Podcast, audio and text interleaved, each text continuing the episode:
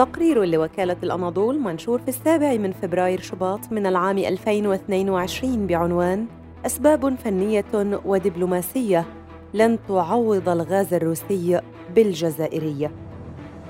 دفعت الأزمة الأوكرانية إلى طرح العديد من التساؤلات إن كانت الجزائر ستلعب دور البديل الغاز الروسي إن تأزم الوضع وقطعت الأخيرة الإمدادات عن القارة الأوروبية في ظل علاقات جيدة بين البلد العربي وموسكو. تستورد أوروبا من روسيا حوالي 40% من الغاز الطبيعي، أي ما يعادل نحو 175 مليار متر مكعب، فيما تصدر روسيا غازها إلى القارة بشكل رئيسي عبر خط أنابيب يمال أوروبا الذي يمر عبر بيلاروسيا وبولندا وخطوط أنابيب نورد ستريم الذي يوصل الغاز الأوروبي إلى منطقة بحر البلطيق عبر أوكرانيا. يثير الغزو الروسي المحتمل لأوكرانيا والعقوبات الأوروبية ضد الغاز الروسي مخاوف جديدة حول أمن الطاقة في القارة العجوز في وقت تشهد فيه المنطقة أزمة حادة في مجال الطاقة. وتتميز العلاقات الجزائرية الروسية بمتانتها منذ استقلال الجزائر في العام 1962 وتعتبر موسكو الممون الأول للجزائر بالأسلحة. وقعت الجزائر وروسيا في العام 2001 اتفاقية للشراكة الاستراتيجية والتعاون في مجالات عديدة على غرار القطاع العسكري والتجاري والطاقة. كما ترتبط سوناتراك الجزائرية للمحروقات بعلاقات وطيدة مع شركات طاقة روسية.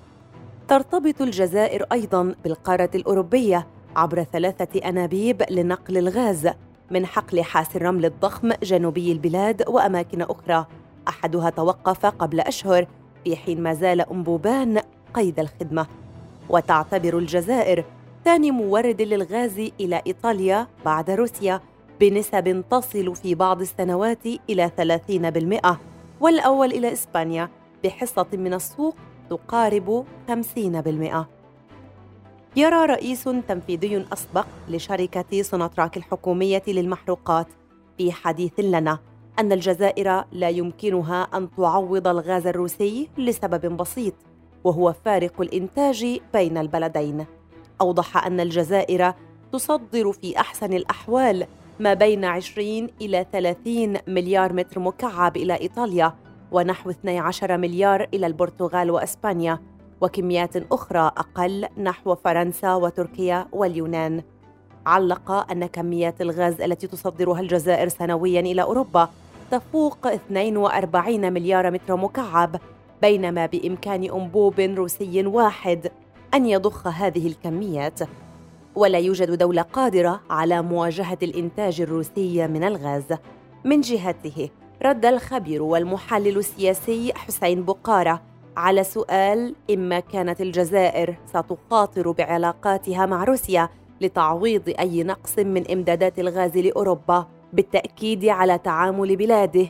كان دوما اقتصاديا وبراغماتيا ولطالما وضعت الحسابات السياسية جانبا على حد قوله. اعتبر أن الأنابيب الروسية التي تزود أوروبا بالغاز تتمتع بطاقة أكبر للنقل من الحقول الروسية التي لها إنتاج كبير مقارنة بما تنتجه الجزائر، واستبعد أن تصل الأزمة بين الغرب وروسيا إلى المواجهة العسكرية واستحالة قطع الإمدادات الروسية عن أوروبا بالنظر لكون أوروبا تدرك التبعات الوخيمة لمواجهة مسلحة مع موسكو على العالم ككل.